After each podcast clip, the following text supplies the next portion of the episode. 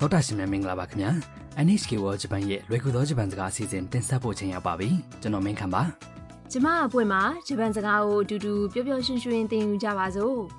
ဒီကနေ့သင်ခန်းစာ19မှာလက်တလောလုပ်နေတဲ့အကြောင်းအရာကိုပြောပြတဲ့အသုံးအနှုန်းကိုလေ့လာပါမယ်အစီအစဉ်နောက်ပိုင်းမှာဂျပန်ရိုးရာအစားအစာဆိုဘာခောက်ဆွဲအကြောင်းကိုတင်ဆက်ပေးပါမယ် တရုတ်လူမျိုးဓာတ်ပုံဆရာမမီယာဟာနာဂါနိုခရိုင်ကရေပူစမ်းတစ်ခုမှာဓာတ်ပုံရိုက်ဖို့ရောက်နေပါတယ်မြောက်တွေရင်နွေးလာစိန်တဲ့ရေပူစမ်းပါ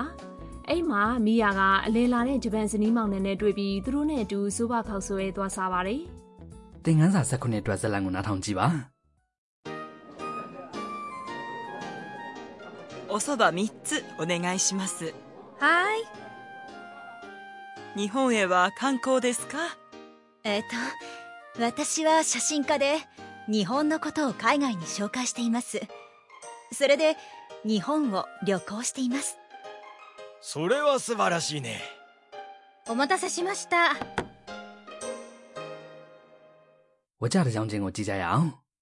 ဇနီးတွေကအားလုံးအတွက်စိုးပါခောက်ဆွဲမှာလိုက်ပါတယ် おそば3つお願いします ဆိုဘာခောက်ဆွဲ3ပွဲပေးပါရှင် ဆိုင်ဝင်နှန်းကပြန်ပြောပါတယ် はい。 ဟုတ်ကဲ့ပါ ဇနီးတွေကမီယာကိုမေးပါတယ် 日本へは観光ですか ဂျပန်ကိုလာတာအလေခီးလား မီယာကပြန်ဖြေပါတယ် えっ、と、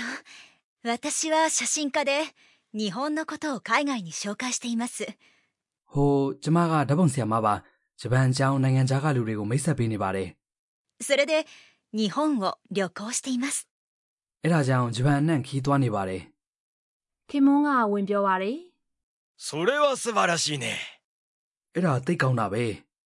သူတို့အဲ့လိုစကားပြောနေတော့စိုးပါခောက်ဆွဲရပါပြီ။ဆိုင်ဝင်နှန်းကသူတို့စီလာချပေးပါတယ် お待たせしました。 ။စောင့်ဆိုင်နေရတာရပါပြီ ။ခီးသွားရင်တွေးဆုံတဲ့သူတွေနဲ့အဲ့လိုစကားစမိပြောရတာလည်းပြောစရာကောင်းတယ်နော် ။ဟုတ်တယ်ဒီကနေ့သင်ခန်းစာတွေကအသုံးနှုန်းတွေကိုအသုံးပြုပြီးကိုယ့်အကြောင်းကိုပြောပြတတ်မယ်ဆိုရင်စကားစမြင်ပြောတာတွေပိုပြီးပြောလို့ကောင်းပါပါ။ဒီကနေ့အတွက်အဓိကအသုံးနှုန်းက 日本を旅行しています。 ဂျပန်အနှံ့ခီးသွားနေပါတယ်ဖြစ်ပါတယ်။ဒီပုံစံကိုမှတ်မိသွားပြီဆိုရင်အခုလက်ရှိကိုဘာလုပ်နေတယ်ဆိုတာပြောတတ်သွားပြီဖြစ်ပါတယ်။အဓိပ္ပာယ်တွေကိုကြည့်ရအောင်ပါ။ 日本 ဆိုတာသောတာရှင်တို့သိထားတဲ့အတိုင်းဂျပန်ပါ 旅行しています ဆိုတာကခီးသွားနေပါတယ်ဖြစ်ပါတယ်ဒီကနေ့အတွက်အဓိကအချက်က 旅行しています ခီးသွားနေပါတယ်ဆိုတဲ့အသုံးအနှုန်းပါအခုလောလောဆယ်လုပ်နေတဲ့အရာကိုပြောတဲ့အခါထဲ့ပုံစံကရိယာမှာ imas ကိုပေါင်းပြီးပြောရပါတယ် 旅行する ခီးသွားတယ်ရဲ့ထဲ့ပုံစံက 旅行して ဖြစ်ပါတယ်အဲ့ဒါကို います ပေါင်းလိုက်ရင် 旅行しています လို့ဖြစ်သွားပါတယ် ။သရရှင်တို့နားထောင်ပြီးလိုက်ပြောကြည့်ပါဦး 旅行しています日本を旅行しています ။ဇလန်နဲ့မှာမီယာကနီဟွန်းနိုကိုတိုကိုခိုင်ခိုင်နီရှောကိုင်စတေအီမတ်စ်ဂျပန်အကြောင်းနိုင်ငံခြားကလူတွေကိုမိတ်ဆက်ပေးနေပါတယ်လို့ပြောတာကလည်းအခုလက်တလောဘာလုပ်နေတယ်ဆိုတာကိုပြောပြတဲ့ပုံစံပဲနော် ဟုတ်ပါတယ်မိကပြောတဲ့ 紹介しています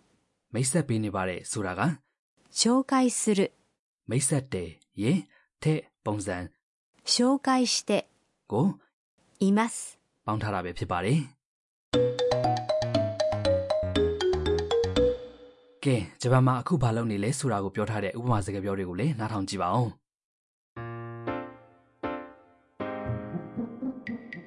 旅行ですかはいあちこち旅行しています ။အတိပ္ပယ်တွေကိုရှင်းပြပါမယ်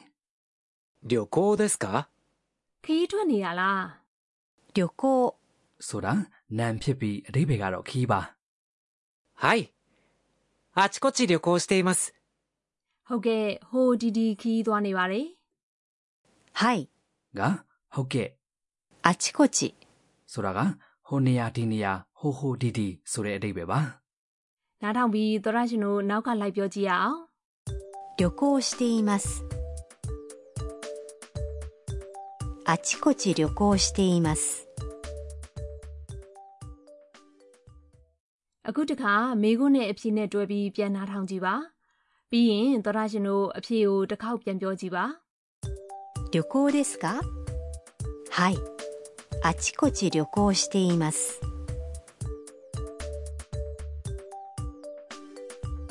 はいあちこち旅行しています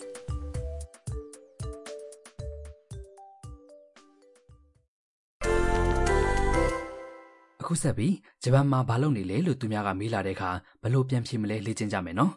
ဒေါက်တာရှင်တို့ကဂျပန်စာသင်ယူနေတယ်လို့ဖြေမယ်ဆိုပါစို့ဂျပန်စာကို 日本語日本語 လို့ပြောပါတယ်သင်ယူတယ်က 勉強する ဘာသူ့ရဲ့သပုံစံကရိယာက 勉強して勉強して ဘယ်ဖြစ်ပါတယ်ပြောကြည့်ပါ 日本語を勉強しています。日本語を勉強しています。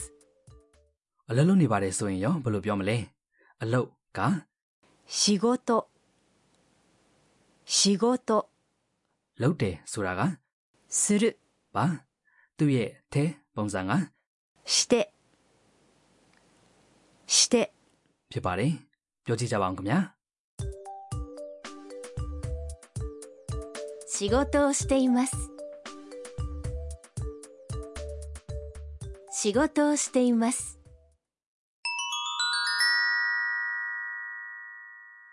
ဆက်ဆက်တိုးပွားစကားလုံးများကဏ္ဍပဲဖြစ်ပါတယ်ဒီကနေ့တော့ရေးတွက်ပုံရေးတွက်နည်းကိုပြောပြပါမယ် အော်ရာမာတဲ့အခါအီချီနီဆန်ဆိုပြီးရိုးရိုးကိန်းကနန်းတွေအတိုင်းမပြောရပါဘူးတစ်ခုကနေ၅ခုအထိဘယ်လို့ရေတော်တယ်လဲနားထောင်ကြည့်ပါနော်တစ်ခု 一つ နှစ်ခု 二つ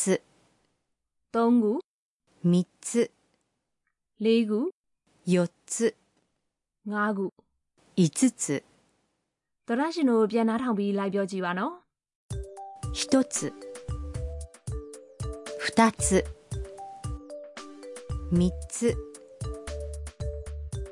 四つ五つ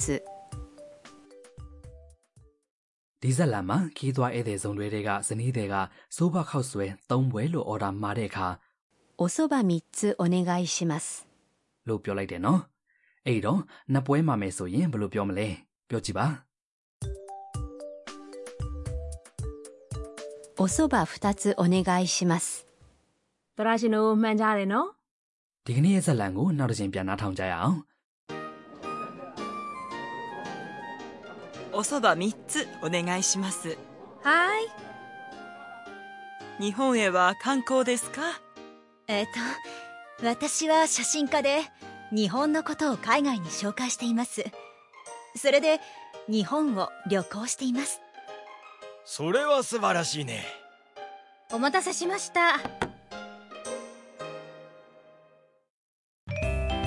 食いしん坊カイトにお任せ ။အခုဆက်ပြီးအစားကြီးတဲ့ကိုက်တို့ရဲ့အစားအစာမိတ်ဆက်ကဏ္ဍပါ။စိုးဘခောက်ဆွဲအကြောင်းမိတ်ဆက်ပေးပါမယ်ရှင် စိုးဘခောက်ဆွဲဆိုတာကဂျပန်ရိုရာခောက်ဆွဲတစ်မျိုးဖြစ်ပြီးလူကြိုက်များပါတယ်စိုးဘလို့ခေါ်တဲ့ပန်းကြုံမုံကနေပြုလုပ်ထားတဲ့ခောက်ဆွဲကိုပြုတ်ပြီးအရသာသိမ့်မပြင်းတဲ့စုပ်ပြုတ်ရည်ပူပူတဲ့ထည့်ပြီးစားကြတာပါအေးခံထားတဲ့စိုးဘခောက်ဆွဲကိုရှိုးယူဘိန်းငံပြရည်ကိုအခြေခံတဲ့စီယူလို့ခေါ်တဲ့အရသာအရည်နဲ့တွန်းနှစ်ပြီးလဲစားကြပါတယ်ဒါနဲ့မပွင့်ရည်စိုးဘခောက်ဆွဲစားဘူးလား ။စားဖို့တဲ့စိုးဘခောက်ဆွဲဆိုင်တွေကိုအလဲတကူတွေ့နိုင်တယ်နော်။မြို့ထဲနဲ့ဘူတာနားတွေမှာစိုးဘခောက်ဆွဲဆိုင်တွေအများကြီးရှိတယ် ဟုတ်တယ်တချို့ဘူတာတွေဆိုဘူတာအတွင်းထဲမှာလည်းစိုးဘခောက်ဆယ်ဆိုင်ရှိတယ်ယထာစီကနေအချိန်လေးရသလောက်ကမန်ကရန်စားလို့ရတယ် ။အစားကလေဂျပန်လူမျိုးတွေတရှူးရှူးနဲ့အတန်အကျယ်ကြီးထွက်ပြီးစိုးဘခောက်ဆွဲကိုစုပ်ပြီးစားတာမြင်ရတော့အယမ်းအံ့ဩမိတာကိုမင်းခန့်ရဲ့ အဲ့ဒါဂျပန်မှာစိုးဘခောက်ဆယ်စားတဲ့နီလန်အမှန်ပါမပွင့်ရေဘာလို့လဲဆိုတော့ခောက်ဆွဲကိုဆုပ်လိုက်တဲ့အခါခောက်ဆွဲနဲ့အတူပါဇက်ထဲကိုလေကဝင်တဲ့အတွက်ခောက်ဆွဲရဲ့မွေးပြန့်တဲ့ရနံ့ကိုပို့ပြီးတော့ခန်းစားရတယ်တဲ့ ။အော်အဲ့လိုလား။နောက်တစ်ခါစားရင်လုပ်ကြည့်ရမယ်။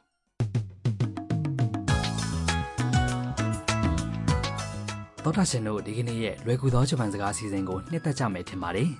နောက်တစ်ပတ်မှာပြန်ဆောင်ကြမယ်နော်။